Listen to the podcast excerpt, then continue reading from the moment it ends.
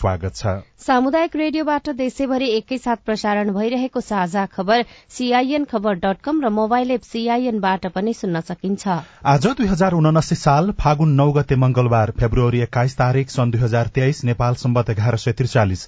फाल्गुन शुक्ल पक्षको प्रतिपदा तिथि आज ग्याल्पो लोछार अन्तर्राष्ट्रिय मातृभाषा दिवस सामाजिक सेवा दिवस पनि आजै। साझा खबरमा प्रमुख खबरका शीर्षकहरू। राष्ट्रपतिको उम्मेद्वार बन्न एकीकृत समाजवादीका अध्यक्ष नेपाललाई एमालेको प्रस्ताव माओवादी केन्द्रमा अन्तिम निर्णय लिने अधिकार अध्यक्ष प्रचण्डलाई कांग्रेसबाट उम्मेद्वार बन्न सभापति देउबालाई दबाव।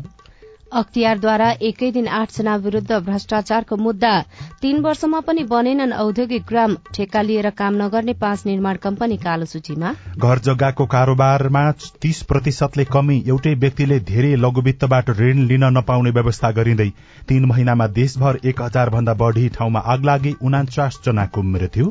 टर्कीमा फेरि अर्को भूकम्प सुनामी आउन सक्ने चेतावनी। अमेरिका र चीन जलवायु परिवर्तनको जोखिममा न्यूजील्याण्डमा चक्रवात तीन हजार भन्दा बढ़ी बेपत्ता। र आईसीसी विश्वकप क्रिकेट लीग दुईमा नेपालले आज स्कटल्याण्डसँग खेल्दै टी ट्वेन्टी क्रिकेटको ट्रफी सार्वजनिक।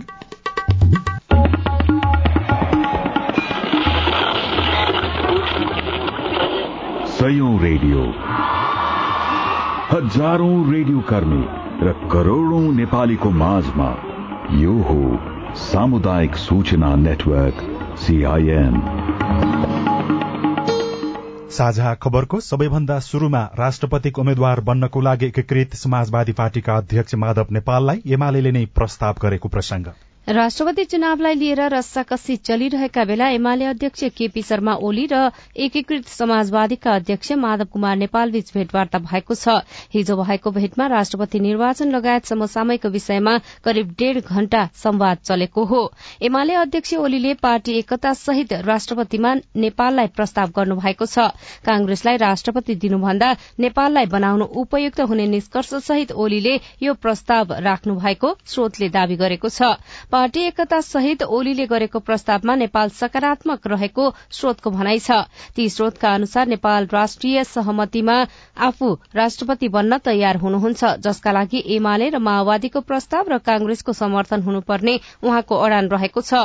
राष्ट्रपति निर्वाचनमा निर्णायक शक्ति रहेको नेकपा माओवादीले पदाधिकारी बैठक गरेरै पुस दशमा एमालेसँग भएको सत्ता साझेदारीको परिस्थिति बदलिएको निष्कर्ष सहित स्वार्थ मिल्नेसँग राष्ट्रपति निर्वाचनमा सहकारी सहकार्य गर्ने निर्णय लिएको छ। यसले राष्ट्रपतिमा एमालेसँग सहकार्यको ढोका लगभग बन्द गरेको छ तर कांग्रेसलाई राष्ट्रपतिमा समर्थन गर्नु अघि माओवादी अध्यक्ष एवं प्रधानमन्त्री पुष्पकमल दाहाल प्रचण्डले आफ्नो कार्यकाल कम्तीमा चार वर्ष पुर्याउने लिखित सहमति खोज्नु भएको छ। कांग्रेस नेताहरूले कम्तीमा तीन वर्ष दिन सकिने प्रस्ताव दाहाललाई गरिसकेका छन्। माओवादीको हिजो भएको पदाधिकारी बैठकले भावी राष्ट्रपतिका लागि नयाँ समीकरणको ढोका खुल्ला गर्दै आवश्यकता अनुसार निर्णय लिन प्रधानमन्त्री एवं पार्टी अध्यक्ष दाहाललाई जिम्मेवारी दिएको छ। नेपाली कांग्रेसका नेताहरूले पनि प्रधानमन्त्री प्रचण्डसँग निरन्तर छलफल गर्दै आइराखेका छन्। कांग्रेसबाट सभापति देउबाला नै राष्ट्रपतिको उम्मेद्वार बन्नको लागि दबाव गइराखेको भनेर विभिन्न खबरहरू सार्वजनिक भइराखेका छन्। माओवादीले राष्ट्रिय सहमतिका आधारमा राष्ट्रपतिको उम्मेद्वार चयन गर्नुपर्ने अडान राख्दै आएको छ। पदाधिकारीको हिजोको बैठकमा नेकपा एकीकृत समाजवादी पार्टीका अध्यक्ष माधव कुमार नेपाल र प्रधानमन्त्री बीच भएका पछिल्ला छलफलको बारेमा अध्यक्ष प्रचण्डले जानकारी गराउनु गराउनु भएको थियो। मनोनयन दर्ता अघिको तीन चार घण्टाको समयले राष्ट्रपतिको उम्मेद्वार कसलाई बनाउने भन्ने निर्क्योल गर्ने राजनीतिक विश्लेषक डाक्टर राजेश गौतमले सीआईएनसँग बताउनुभयो। हिजोसम्म माधव नेपालको नाउँ थिएन। अब माधव नेपालको नाउँ समेत आइसक्यो। भोलि अब कथन कथाचित भोलिको स्थितिमा होइन कम्युनिस्टहरू चाहिँ एक हुनुपर्छ भन्ने दृष्टिकोणबाट यदि एमाले माधव नेपालको नामलाई प्रस्ताव गरिदियो भने अब काङ्ग्रेसले के गर्ने? अरूले के गर्ने? त्यो स्थिति सिर्जना हुने सम्भावना चाहिँ देखिँदै गइरहेको छ। काङ्ग्रेसले कसलाई ल्याउने हो एमाले कसलाई ल्याउने हो माओवादीले कसलाई ल्याउने हो भन्ने कुरा नै प्रश्न भएन। त्यसैले कालान्तरमा एउटा स्थिति के हुन्छ भन्दा जब सबै राजनैतिक दलहरूले आफ्ना आफ्नो व्यक्तिहरू देखाउँछन् त्यसपछिको तिन चार घन्टाको अवस्था भनेको चाहिँ ज्यादै क्रिसियल हुन्छ जस्तो मलाई लाग्छ। देखिन्छ अब उता माधव नेपालकै उता प्रचण्ड र चाहिँ ओलीको बिचको सम्बन्ध पनि त्यतिकै सुमधुर देखिन्छ। उता प्रचण्ड र चाहिँ शेरबहादुरको सम्बन्ध पनि त्यतिकै सुमधुर देखिन्छ भने अहिलेको स्थितिमा चाहिँ स्पष्ट रूपबाट यही सिन हो भनेर चाहिँ भन्न सक्ने स्थिति चाहिँ देखिँदैन जस्तो मलाई लाग्छ। यसैबीच राष्ट्रपति र उपराष्ट्रपति निर्वाचनका लागि निर्वाचन अधिकृतको कार्यालय स्थापना हिजो गरिएको छ। नयाँ बानेश्वर स्थित संघीय संसद भवन परिसरमा निर्वाचन अधिकृतको कार्यालय स्थापना गरिएको हो। निर्वाचन अधिकृतको कार्यालयको उद्घाटन गर्दै प्रमुख निर्वाचन आयुक्त दिनेश कुमार थपलियाले निर्वाचनको मतभार दुई हजार अडसठी सालको जनगणनाको आधारमा गरिने जानकारी दिनुभयो।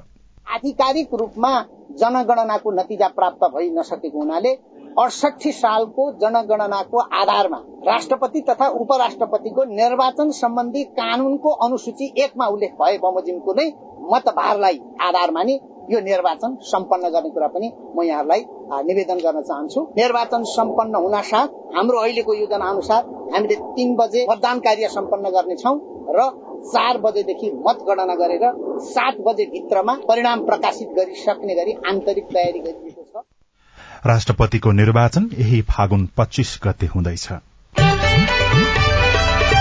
संघीय संसदको दिगो विकास तथा सुशासन समितिले आगामी शैक्षिक सत्रदेखि मुलुकका सबै विद्यालयलाई समयमा पाठ्य पुस्तक उपलब्ध गराउन निर्देशन दिएको छ। हिजो सिंहदरबारमा बसेको समितिको बैठकले आगामी शैक्षिक सत्रदेखि देशका सबै विद्यालयलाई समयमा पाठ्य पुस्तक उपलब्ध गराउन निर्देशन दिएको हो। समयमै पाठ्य पुस्तक नपुग्ने समस्या बारम्बार दोहोरिरहेकाले आगामी आर्थिक वर्षदेखि समयमै पाठ्य पुस्तक पुर्याउन निर्देशन दिइएको समितिका सभापति प्रकाश पन्तले सीआईएनसँग बताउनुभयो।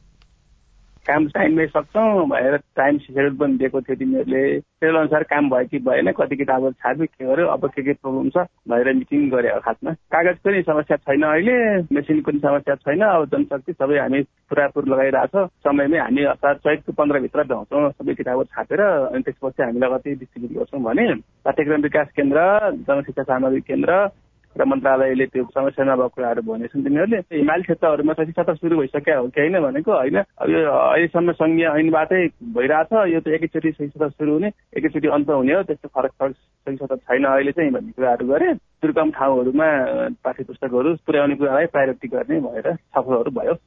समिति सभापति प्रकाश पन्थले सम्बन्धित निकायका पाठ्य पुस्तक उपलब्धता सुनिश्चितताका समस्या स्पष्ट पारेमा समितिले सरकारवाला पक्षसँग सहकार्य र समन्वय गरी समाधान गर्न तयार रहेको समेत बताउनुभयो। देशभर घर जग्गाको कारोबार तीस प्रतिशतले घटेको पाइएको छ। गत आर्थिक वर्षको माघको तुलनामा गएको माघमा घर जग्गा कारोबार तीस प्रतिशतले घटेको पाइएको हो।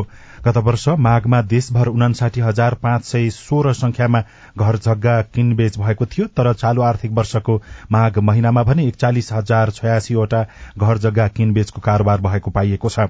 भूमि व्यवस्था तथा अभिलेख विभागका अनुसार पुसको तुलनामा काठमाडौँ उपत्यकामा गत माघमा घर जग्गा कारोबार भने करिब चौध प्रतिशतले घटेको छ। सरकारले गत जेठ तेइस गते भू उपयोग नियमावली लागू गरेपछि जग्गा वर्गीकरण अनिवार्य भएको छ जसले गर्दा घर जग्गा कारोबार घटेको हुन सक्ने विभागका प्रवक्ता कृष्ण प्रसाद भण्डारीले सीआईएनसँग बताउनुभयो। यो वर्षको र गत वर्षको तुलना गर्दाखेरि लगभग लगभग फिफ्टी पर्सेन्टले नै अलिकति राजस्वमा कमी आएको छ। अहिले चाहिँ खास गरी चाहिँ जग्गाको जुन वर्गीकरण गर्ने गरेर अलिक भू उपयोग नियावली जारी भयो त्यो भू उपयोग नियावली जारी भइसकेपछि नै अहिले चाहिँ अलिक धेरै चाहिँ त्यो चाहिँ न्यून संख्यामा कारोबार भएको र राजस्वर्थीमा पनि कमी भएको देखिन्छ। यो वर्गीकरण नहुँदाखेरि पनि जनताका दैनन्दिन समस्याहरू कोही चाहिँ जग्गा बेचेर स्वास्थ्य उपचार गर्नुपर्ने वा चाहिँ शैक्षिक कार्यमा लगानी गर्नुपर्ने वा पढाउनु पर्ने बालबच्चालाई त्यस्तो स्थितिकालाई चाहिँ अलिकति मर्का परेको छ र राजस्व उर्तीमा पनि अलिकति त्यसले चाहिँ असर गरेको छ होइन? विशेष गरी यो भू उपयोग नियावलीकै कार्यान्वयनमा अलिकति ढिलाइ हुँदाखेरि वा पालिकाले समयमा वर्गीकरण नगरिदिँदाखेरिको परिणाम चाहिँ यस्तो स्थानीय तहले जग्गाको वर्गीकरण गर्ने क्रम बढ़ेसँगै पछिल्लो छ महिनामा भने जग्गा कारोबार लयमा जान थालेको छ। भूमि व्यवस्था तथा अभिलेख विभागका महानिर्देशक पद्मनिधि सोतीले एक महिना अघि सात एक महिना अघि सयवटा स्थानीय तहले जग्गाको वर्गीकरण गरेकोमा हाल यो संख्या एक सय पचास भन्दा बढ़ी पुगेका कारण जग्गाको कारोबार लयमा जान थालेको बताउनुभयो।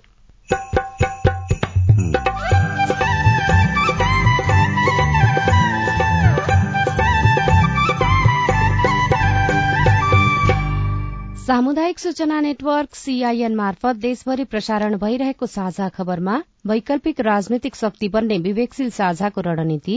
सुधार गर्नका लागि उसका पनि कमी कमजोरीमा आलोचना गर्न पोजिटिभ क्रिटिसिजम गर्नका लागि पनि त अर्को व्यक्ति चाहियो जसले त्यो चेत बोकेर बसेको हुन्छ। तीन वर्षमा पनि बनेनन् औद्योगिक ग्राम ठेक्का लिएर काम नगर्ने पाँच निर्माण कम्पनी कालो सूचीमा अख्तियारद्वारा एकै दिन आठजना विरूद्ध भ्रष्टाचारको मुद्दा लगायतका खबर बाँकी नै छन्। सीआईएनको साझा खबर सुन्दै गर्नुहोला। KP Oli cup two thousand twenty three national football championship यही फागुन एघारदेखि सत्र गतेसम्म। पहिलो पुरस्कार रु दस लाख दोस्रो पुरस्कार रु पाँच लाख।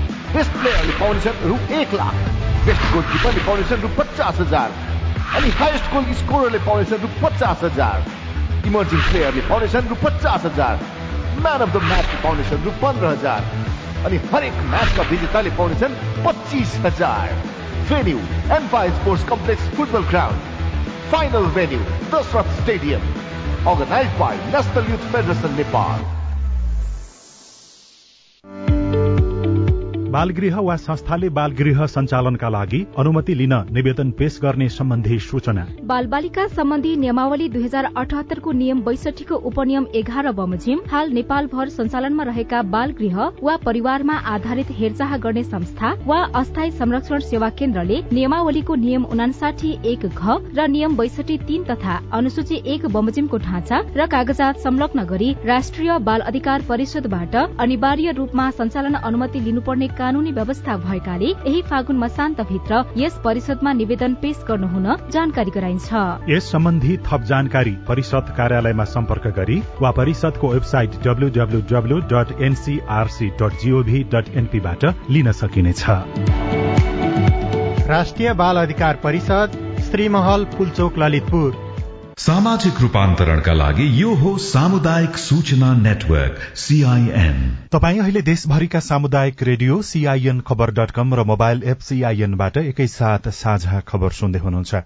मोबाइल एप नेपाली पात्रोबाट पनि सीआईएनको साझा खबर सुनिरहनु भएको छ। अब आज काठमाडौँबाट प्रकाशित पत्र पत्रिकाको खबर। नयाँ पत्रिका दैनिकमा सवा तीन महिनामा एक हजार चौतिस ठाउँमा आग लागि उनाचास जनाको मृत्यु एक सय तीस जना घाइते शीर्षकमा खबर छापिएको छ। मंगिरदेखि फागुन पहिलो सातासम्म आगलागीबाट एक हजार एक सय अठासीवटा घर प्रभावित भएका छन्। एक सय उनाचालिस घरमा आंशिक क्षति हुँदा दुई सय एक्काइसवटा घर पूर्ण रूपमा ध्वस्त भएका छन्। दुई सय तेत्तीस गोठ जलेका छन्। यस अवधिमा अठासी करोड़ छयानब्बे लाख बराबरको धनमाल क्षति भएको प्रारम्भिक विवरण रहेको छ। पछिल्लो चौविस घण्टामा मात्रै सोह्र स्थानमा आगलागी भएको छ। राजधानी दैनिकमा अख्तियारद्वारा एकै दिन आठजना विरूद्ध भ्रष्टाचार मुद्दा शीर्षकमा खबर छ अख्तियार दुरूपयोग अनुसन्धान आयोगले विभिन्न जिल्ला र निकायमा भ्रष्टाचार भएको पाइएपछि आठजना विरूद्ध भ्रष्टाचार मुद्दा दायर गरेको छ।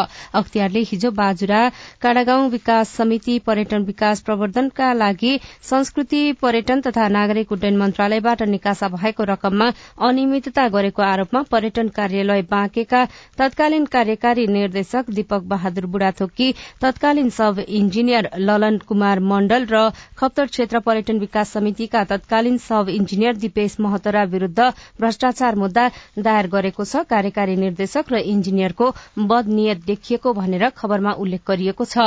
यस्तै गोर्खापत्र दैनिकमा तीन वर्षमा पनि बनेनन् औद्योगिक ग्राम शीर्षकमा लक्ष्मी सापकोटाले खबर लेख्नु भएको छ। सरकारले थप आठ स्थानमा औद्योगिक ग्राम घोषणा गरेको छ। उद्योग वाणिज्य तथा आपूर्ति मन्त्रालयको सिफारिशमा मन्त्री परिषदले हालै थप आठ स्थानमा ग्राम घोषणा गरेको हो। मन्त्रालयका अनुसार नयाँ घोषणा गरिएका औद्योगिक ग्राम काभ्रेको मण्डन देउपुर र बेथानचोक गाउँपालिका नुवाकोटको लिखु गाउँपालिका म्याग्दीको रघु गंगा गाउँपालिकामा औद्योगिक ग्राम घोषणा गरिएको छ। यस्तै जुम्लाको तातोपानी गाउँपालिका पाल्पाको रिब्दीकोट गाउँपालिका गुल्मीको रूडु क्षेत्र र बाजुराको अपिहिमाल गाउँपालिकामा रहेका छन्। थप नयाँ आठवटा औद्योगिक ग्राम घोषणा गरेसँगै मुलुकभर एक सय तेह्र औद्योगिक ग्राम घोषणा भएका छन् तर ती ग्रामको निर्माण कार्य सुस्त गतिमा रहेको छ। अनि अर्को खबर छ मल खरिदका लागि थप साढे सात अर्बको स्रोत सुनिश्चित भएको खबर। अर्थ मन्त्रालयले रासायनिक रासायनिक मल खरिदका लागि थप सात अर्ब पचास करोड़ रूपियाँको स्रोत सुनिश्चित गरेको छ। रासायनिक मल खरिदका लागि कृषि तथा पशुपन्छी विकास मन्त्रालयले गरेको प्रस्तावमा अर्थ मन्त्रालयले सहमति दिएको हो। नेपाल समाचार पत्र दैनिकमा काठमाडौँ महानगरपालिकाद्वारा फोहोरबाट मल बनाउन शुरू शीर्षकमा खबर छापेको छ। काठमाडौँ महानगरपालिकाले फोहोरबाट मल बनाउन शुरू गरेको हो। काठमाडौँ महानगरपालिका वातावरण व्यवस्थापन विभागले नमूनाका रूपमा पहिलो चरणमा बाह्र टन जैविक फोहोरबाट मल बनाउन शुरू गरेको विभागका प्रमुख रविन मान श्रेष्ठले जानकारी दिनुभएको छ। कान्तिपुर दैनिकमा उन्मुक्ति पाउनेमा नेता कार्यकर्ता शीर्षकमा खबर छापेको छ। मातृका दाहाल लेख्नुहुन्छ प्रजातन्त्र दिवसका दिन राष्ट्रपतिबाट सजाय माफी पाएकामा हत्या अभियोग ठहर भएर जन्म कैद भोगिरहेकादेखि बैंक लुटेरासम्म परेका छन्। अदालतबाट दोषी ठहर भएका उनीहरूलाई तोकिएको सजाय भुक्तान नगराई सरकारले कानूनी छिद्र मार्फत उन्मुक्ति दिएको हो। उन्मुक्ति पाउनेहरू राजनीतिक दलका नेता कार्यकर्ता छन्। राष्ट्रपति विद्यादेवी भण्डारीले मन्त्री परिषदको सिफारिशमा शुक्रबार चौध जनालाई सजाय माफी र करिब चार सय जनाको बाँकी सजाय मिनाहा गर्नुभएको थियो। भित्रीपन्नामा लघु वित्तबाट ऋण लिने सीमामा कडाई गरिँदै शीर्षकमा खबर छ एउटै व्यक्तिले एक भन्दा धेरै लघु वित्त वित्तीय संस्थाबाट ऋण लिन नपाउने व्यवस्था गरिने भएको छ। धेरै संस्थाबाट ऋण लिएकै कारण ऋणीको ऋण तिर्ने क्षमतामा कमी आएको ऋणको भारले थिचेको गरीबीको दुष्चक्रमा फँसेको लगायतका विकृति बढ़ेको निष्कर्षका आधारमा नेपाल राष्ट्र बैंकले यस्तो व्यवस्था गर्न लागेको हो। ठेक्का लिएर काम नगर्ने पाँचवटा निर्माण कम्पनीलाई कालो सूचीमा राखिएको खबर सबैजसो पत्र पत्रिकामा छ। सार्वजनिक खरिद अनुगमन कार्यालयले पाँचवटा निर्माण कम्पनीलाई कालो सूचीमा राखेको छ। निर्माणको जिम्मा लिएर समयमै काम नगर्ने गर्ने निर्माण कम्पनीलाई कालो सूचीमा राखिएको कार्यालयले जनाएको छ। सार्वजनिक खरिद अनुगमन कार्यालयका अनुसार कालो सूचीमा पर्नेमा कल्पना कन्स्ट्रक्सन गुलेरिया नगरपालिका छ बर्दिया जय गढीमाई निर्माण कन्स्ट्रक्सन राप्ती छ चितौन गोड निर्माण सेवा हेटौडा मुडभरी एण्ड जोशी कन्स्ट्रक्सन प्राली रसुवा र engineers construction and mind craft प्राली Chitwan रहेका छन्। साझा खबरमा अब हेलो सीआईएन उषा तामाङबाट म टोप बहादुर थापा भिरकोट नगरपालिका वार्ड नम्बर छ छाङ्गादेखि। विगतको मेरो कतारको हेभी लाइसेन्स थियो र अहिले म नेपालको लाइसेन्स लिन चाहेको छु। कुन लाइसेन्स पाउँछु होला त्यसको आधारमा। त्यसको लागि के प्रोसेस गर्नुपर्ने हो? तपाईँको जिज्ञासाको समाधान गर्दै हुनुहुन्छ यातायात व्यवस्था विभागका महानिर्देशक तुलसीनाथ गौतम। यो लाइसेन्स लिन मिल्छ तर नेपालीकरणको अहिले तत्काल चाहिँ रोकिरहेको छ। अख्तियारले चाहिँ अलिक बढी कारवाही गरे भने अख्तियारले कारवाहीको कारण डराएर रोकेर छ। कानुनी हिसाबले चाहिँ नेपालीकरण गर्न मिल्छ। प्रदेश यातायात व्यवस्था कार्यालयमा उहाँले चाहिँ कहाँबाट लाइसेन्स लिने हो त्यो यातायात व्यवस्था कार्यालयमा गएर त्यहाँ एप्लाई गर्नु पर्यो म नेपालीकरण गर्न चाहन्छु भनेर त्यो लाइसेन्स सहित राखेर अनि त्यो त्यहाँको एम्बेसीले चाहिँ यो लाइसेन्स हाम्रो देशबाट जारी भएको भनेर भर्यो भने नेपालीकरण गर्न मिल्छ। यदि चाहिँ त्यो यातायात व्यवस्था कार्यालय थप गर्यो भने उहाँलाई ट्रायल लिन्छ एकछिन चाहिँ नभए चाहिँ लिन नेपालीकरण गर्न मिल्छ। ताजाकोट गाउँपालिकाबाट म प्रवक्ता रमेश मल्ल बोल्दैछु। दुई हजार अठहत्तर सालमा पुष माघको महिनामा किताब उपलब्ध हुने अहिलेसम्म फागुनको महिना बित्न लागिसक्यो र अहिलेसम्म किताब उपलब्ध भएको छैन। यसको लागि सिआइएनबाट चाहिँ छिटोभन्दा छिटो छानबिन गरिदिनु होला। धन्यवाद। यस बारेमा जानकारी दिँदै हुनुहुन्छ ताजाकोट गाउँपालिका हुम्लाका शिक्षा शाखा प्रमुख जय रुद्र ढकाल। हुम्ला जिल्ला लगायत अन्य हिमाली जिल्लामा चाहिँ गत वर्षहरूमा सैतिस फागुनमै सुरु हुन्थ्यो। त्यो अनुसार चाहिँ हामीले फागुनमै पाठ्य पुस्तकको आवश्यक पर्थ्यो। यो वर्ष वैशाखबाट सैतिस सत्र सुरु हुनेछ। त्यही अनुसार नै पाठ्य पुस्तक हाम्रो चाहिँ अब चैतको लास्टसम्म अथवा वैशाखसम्म उपलब्ध हुन्छ होला। नमस्ते म नवीन चन्द दार्मा गाउँपालिका छ सल्यानबाट। सुदूरपश्चिम प्रदेशले प्रास शिक्षा विज्ञापन खुलाएको तर लिखित परीक्षा नतोकिएकोले सो परीक्षा कहिले कुन महिनासम्म गराउँछ होला? जवाफ दिँदै हुनुहुन्छ लोकसेवा आयोग सुदूरपश्चिम प्रदेशका उपसचिव हिरालाल चौधरी। शिक्षाको प्रास हामीले चाहिँ गत भदौको पच्चिस गते हामीले लिखित परीक्षा लिएर यो माघको पच्चिस गते हामीले अन्तिम नतिजा समेत प्रकाशन गरिसकेका छौँ र त्यो सिफारिस पनि भइसकेका छन्। उहाँ साथीले सायद जिज्ञासा राख्नु भएको भर्खरै पनि एउटा खुलेको छ।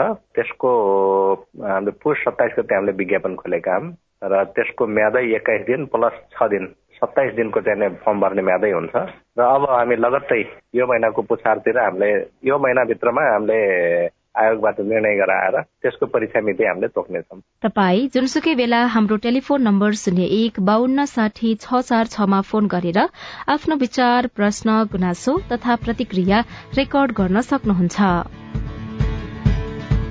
साझा खबरमा अब विदेशको खबर टर्कीमा फेरि अर्को भूकम्प गएको छ। स्थानीय समय अनुसार गै राति आठ बजेर चार मिनटमा छ दशमलव चार रेक्टर स्केलको भूकम्प गएको अन्तर्राष्ट्रिय संचार माध्यमले जनाएका छन्।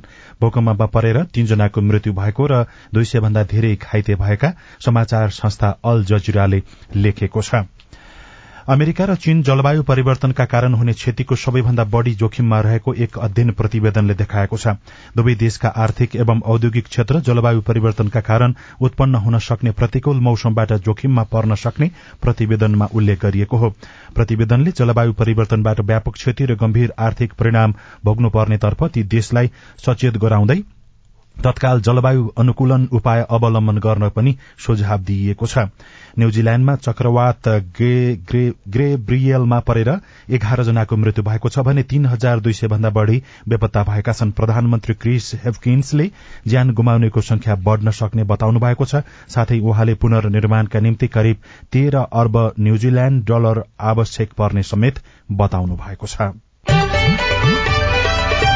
साझा खबरमा अब खेल खबर। आईसीसी विश्वकप लीग दुई क्रिकेट श्रृंखलामा नेपालले आज स्कटल्याण्डसँग खेल्दैछ। खेल किर्तिपुर स्थित त्रिवी क्रिकेट मैदानमा बिहान नौ बजे शुरू हुनेछ। यसअघि खेलेका तीन खेल जितिसकेको नेपालले आजको खेल पनि जिते श्रृंखला क्लीन स्वीप गर्नेछ। आईसीसी विश्वकप लीग दुई अन्तर्गत बाँकी सबै नौ खेल जित्न सके नेपाल शीर्ष तीनमा रहँदै सोझै विश्वकप छनौट खेल्न पाउने भएको छ। नामिबिया अन्तिम खेलमा हिजो स्कटल्याण्डसँग पराजित भएसँगै नेपाललाई सोझै विश्वकप छनौट खेल्ने बाटो खुलेको हो।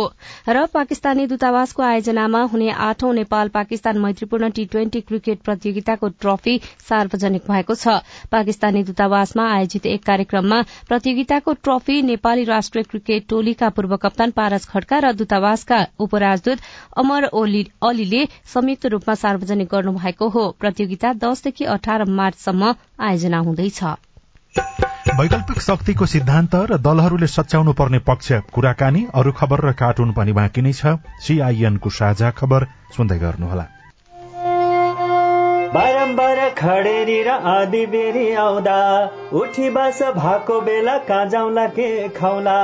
सुक्खा ठाउँमा बाँच्न सक्ने बोट बिरुवा रोपौँ खाली ठाउँमा हरियाली बाढी पहिरो रोकौँ कृषि भूमि व्यवस्थापन विकास कार्य गर्दा।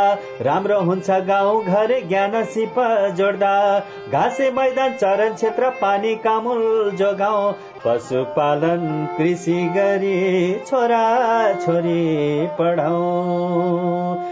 परिवर्तन हुँदा नि जलवायु बाँच्न मिल्छ जीवनको सत आयो बाँच्न मिल्छ जीवनको सत आयो बाँच्न मिल्छ जीवनको सत आयो। जलवायु परिवर्तनले निम्ताएका चुनौतीको सामना गर्न जमिन जल र प्राकृतिक स्रोत व्यवस्थापनका सर्वोत्तम उपलब्धिहरूको कार्यान्वयन गरौं। पारिस्थितिकीय प्रणालीमा आधारित अनुकूलन आयोजना जलवायु परिवर्तन तथा व्यवस्थापन महाशाखा वन तथा वातावरण मन्त्रालय र सीआईएन। सामाजिक रूपान्तरणका लागि यो हो सामुदायिक सूचना नेटवर्क सीआईएन। साझा खबरमा अब वैकल्पिक शक्तिको बहस। विवेकशील साझा पार्टीलाई कुनै समयमा वैकल्पिक राजनीतिको प्रमुख धारको नेतृत्व गर्ने दलका रूपमा लिइन्थ्यो तर पार्टीको आन्तरिक जीवन तहस नहस मात्रै भएन दल नै अस्तित्व नरहने स्थितिमा पुग्यो। पन्ध्र दिन अघि महाधिवेशनबाट नयाँ नेतृत्व चयन गरेपछि विवेकशील साझा फेरि स्थापित हुने अपेक्षा गरिएको छ। के त्यो सम्भव छ? हामीले अध्यक्ष समीक्षा बास्कोटालाई सोधेका छौं। नयाँ दलको नाममा यति धेरै भोट चाहिँ लिएर सत्तामा पुगिसक्नु भएको छ र विवेकशील साझाको स्पेस कहाँ छ? यसका चुनौतीहरू धेरै छन्। हिजो निष्क्रिय भएका साथीहरूलाई पनि समेट्नु छ अनि फेरि पुनः संगठन निर्माण गर्नु छ। यो सबै चुनौतीहरू चाहिँ एकदमै ठूलो छ। बिस्तारै बिस्तारै एक एक पाइला गर्दै गयो भने यो सकिन्छ भन्ने लाग्छ। तपाईँहरू वैकल्पिक शक्तिको सबैभन्दा अग्रपंक्तिमा हुनुहुन्थ्यो। तर अहिले अवस्था यस्तो छ तपाईँले नेतृत्व सम्हाल्दै गर्दाखेरि विवेकशील साझा पार्टी चाहिँ त्यो वैकल्पिक शक्तिहरूको सबैभन्दा पुछारमा देखिन्छ। बीचमा हामीले जे जे कामहरू गर्यौं र आफै पार्टी टुट फुटमा गयो एकअर्काप्रति नै आरोप प्रत्यारोपमा उत्रयौं केन्द्रीय समिति लगायत अन्य जिल्ला तह प्रदेश तहका नेताहरूलाई केही पनि बिजनेस दिन सकिएन भनेको मानव पार्टी ठप्प भएर बस्यो। केही नै छैन र इभन यो पार्टी छैन सकियो भन्ने थियो र त्यहाँबाट उठेर आएको चाहिँ चुनौती एकदमै धेरै छ र महाधिवेशनले चाहिँ एउटा फेरि नयाँ उत्साह जोस जाँगर भरिदिएको छ र हिजो हामीलाई माया गर्ने हाम्रा शुभेच्छुक साथीहरूले फेरि पनि यिनीहरू उठ्दैछ भन्ने म्यासेज पाउनुभयो भने फेरि त्यो मन र मत परिवर्तन गर्न चाहिँ सहजै हुन्छ भन्ने विश्वास छ। विगतमा तपाईँहरूसँग एउटा मात्रै अवस्था कस्तो थियो भन्दा काङ्ग्रेस एमाले माओवादी लगायतका पुराना शक्तिहरूसँग प्रतिस्पर्धा गर्नुपर्ने थियो। अहिले चाहिँ तपाईँहरूको नयाँ भनिएका दलहरू सबैभन्दा पहिलो प्रतिस्पर्धा नै तिनीहरूसँग हुँदैछ तपाईँहरूको। धेरैसँग प्रतिस्पर्धा गर्नु छ त कसरी अब्बल बन्ने? त्यसलाई हामीले एउटा सुखद पक्ष लिनु पर्यो। नागरिकहरू मत क्रान्ति गर्न रेडी हुनुहुँदो रहेछ र अब हाम्रो लडाई चाहिँ ठूला दलहरूसँग नै हो। त्यो वैकल्पिक भन्ने शक्ति त ठिक छ त्यहाँबाट पनि राम्रो परीक्षण भएर आयो भने त केही सिट उहाँहरूले ल्याउनुला केही सिट हामीले ल्याउला होइन? जो वैकल्पिक भनिराखेको छ एउटा सत्तामा पुग्ने एउटा प्रतिपक्षमा पुग्यो भने पनि यो एउटा राम्रो म्यान्डेटै हुन्छ कि? किनभने त्यसलाई पनि त सुधार गर्नका लागि उसका पनि कमी कमजोरीमा आलोचना गर्न पोजिटिभ क्रिटिसिजम गर्नका लागि पनि त अर्को व्यक्ति चाहियो जसले त्यो चेत बोकेर बसेको हुन्छ। परम्परागत दलहरूसँग असन्तुष्ट बनेर हिँडेको एउटा समूह एउटा मत तपाईँहरूको आँगनमा रोकिएन के? ऊ अगाडि बढिसक्यो। त्यसलाई कसरी फर्काउने फेरि? हिजो चौहत्तरमा विवेकशील साझालाई त्यो मत आएको थियो। आज डबल ट्रिपल भएर त्यो अर्को दलमा गयो। त्यही मतलाई उहाँहरूले होल्ड गरेर बस्न सक्नुहुन्छ कि हुन्न भन्ने चाहिँ महत्वपूर्ण कुरा हो। र यो जुन मत एकदमै स्विङ छ यो मत काहीँ पनि होल्ड हुँदैन। हो यसले फरक ठाउँ खोज्छ। हिजो विवेकशील साझा खोजेको थियो आज जनमत खोज्यो आज रासोपा खोज्यो अर्को उन्मुक्ति पार्टी खोज्यो होइन? तर भोलिको दिनमा फेरि यो रासोपामै बसिराख्छ भन्ने केही ग्यारेन्टी छैन। यसको मतलब तपाईँहरू चाहिँ ती नयाँ भनिएका दलहरूको असफलता पर्खेर बस्नु भएको छ? उहाँहरू सफल हुनुपर्छ किनभने नागरिकले वाक्क दिक्क भएर उहाँहरूमा उहाँहरूमा विश्वास गर्नु भएको छ। हामी अझै पाँच वर्ष वेट गर्छौं त्यही भएर त भने मैले उहाँहरू परीक्षण कालमा हुनुहुन्छ। परीक्षण कालमा पास गर्नुभयो भने त्यो मत उहाँहरूले होल्ड गर्न सक्नुहोला। पास गर्न सक्नु भएन भने त्यो मत विवेकशील साझाले लिन्छ। अन्य अरू पनि आउन सक्छन् यो फोरममा होइन? यो कुराकानीसँगै हामी साझा खबरको अन्त्यमा आइपुगेका छौं। सामुदायिक रेडियो प्रसारक संघद्वारा संचालित सीआईएनको बिहान छ बजेको साझा खबर सक्नु अघि तपाईँको स्वस्थ जीवन शैलीसँग जोडिएको एउटा सन्देश बाल बालिकालाई कस्तो लक्षण देखिएमा क्यान्सरको शंका गर्ने। साधारण नभइकन लामो समयसम्म ज्वरो आउने बच्चालाई ठाउँ ठाउँमा जिउ दुख्ने हात गोडा दुख्ने सुन्निने कहीँ गाँठोहरू आउने त्यसपछि आँखामा नानी सेतो फुल्ने पेटमा गाँठोहरू पैलाउने धेरै बान्ता हुने टाउको दुख्ने असाधारण रूपमा साधारण भन्दा असाधारण संकेतहरू देखियो भने चाहिँ यो होइन कि त्यो संकेत आउँदैमा सबै क्यान्सर हुन सक्छ भनेको तर त्यो पनि हुन सक्छ भनेर चाहिँ हामी उपचार गर्न सजिलो हुन्थ्यो। डाक्टर सुचारिता तुलाधरको यो सन्देशसँगै साझा खबरमा मुख्य मुख्य खबर फेरि एकपटक। राष्ट्रपतिको उम्मेद्वार बन्न एकीकृत समाजवादी पार्टीका अध्यक्ष माधव नेपाललाई एमालेको प्रस्ताव माओवादी केन्द्रमा अन्तिम निर्णय लिने अधिकार अध्यक्ष प्रचण्डलाई कांग्रेसबाट उम्मेद्वार बन्न सभापति देउबालाई दबाव। अख्तियारद्वारा एकै दिन आठजना विरूद्ध भ्रष्टाचारको मुद्दा तीन वर्षमा पनि बनेनन् औद्योगिक ग्राम। ठेक्का लिएर काम नगर्ने पाँच निर्माण कम्पनी कालो सूचीमा। घर जग्गाको कारोबारमा तीस प्रतिशतले कमी। एउटै व्यक्तिले धेरै लघुवित्तबाट ऋण लिन नपाउने व्यवस्था गरिँदै तीन महिनामा देशभर एक हजार भन्दा बढ़ी ठाउँमा आग लागि टर्कीमा फेरि अर्को भूकम्प सुनामी आउन सक्ने चेतावनी अमेरिका र चीन जलवायु परिवर्तनको जोखिममा न्यूजील्याण्डमा चक्रवात तीन हजार भन्दा बढ़ी बेपत्ता। र आईसीसी विश्वकप लीग दुईमा नेपालले आज स्कटल्याण्डसँग खेल्दै। साझा खबरको अन्त्यमा कार्टुन। कार्टुन हामीले कान्तिपुर दैनिकमा अबिनले बनाउनु भएको कार्टुन लिएका छौं। व्यङ्ग्य गर्न खोजिएको छ। लघु वित्तका कारण पीड़ित भएको भनेर पछिल्लो समयमा विभिन्न आन्दोलनहरू भइराखेका छन्। यहाँ लघु वित्त लेखिएको छ गेटमा। एकजना मोटा घाटा व्यक्ति चिरीच्याट्ट परेर भित्र प्रवेश गर्दैछन्। हातमा सुटकेस जस्तो बोकेर भित्र जाँदैछन् र अर्को एकजना व्यक्ति बाहिरिँदै गरेको अवस्थामा त्यहाँ केही भनिराखेका छन्। उनी अर्धनग्न अवस्थामा छन्। उनले लगाएको लुगा पनि निकै खुकुलो भइसकेको छ। झ्यालबाट एकजना व्यक्ति हेर्दैछन् ती दुब्ला पातला व्यक्ति केही भन्दैछन्। माथि चाहिँ यस्तो लेखेको छ हाँस्नु पर्दैन म नि भित्र छिर्दा त तपाईँ जस्तै थिएँ। हवस्त प्राविधिक साथी सुनिल राजभारतलाई धन्यवाद। अहिलेलाई लील प्रकाश चन्द र सजना तिमल सिन्हा विदा भयौं। तपाईँको आजको दिन शुभ होस्। नमस्कार। यसपछि देशभरिका सामुदायिक रेडियोबाट कार्यक्रम संवाद प्रसारण हुनेछ। सुन्ने प्रयास गर्नुहोला।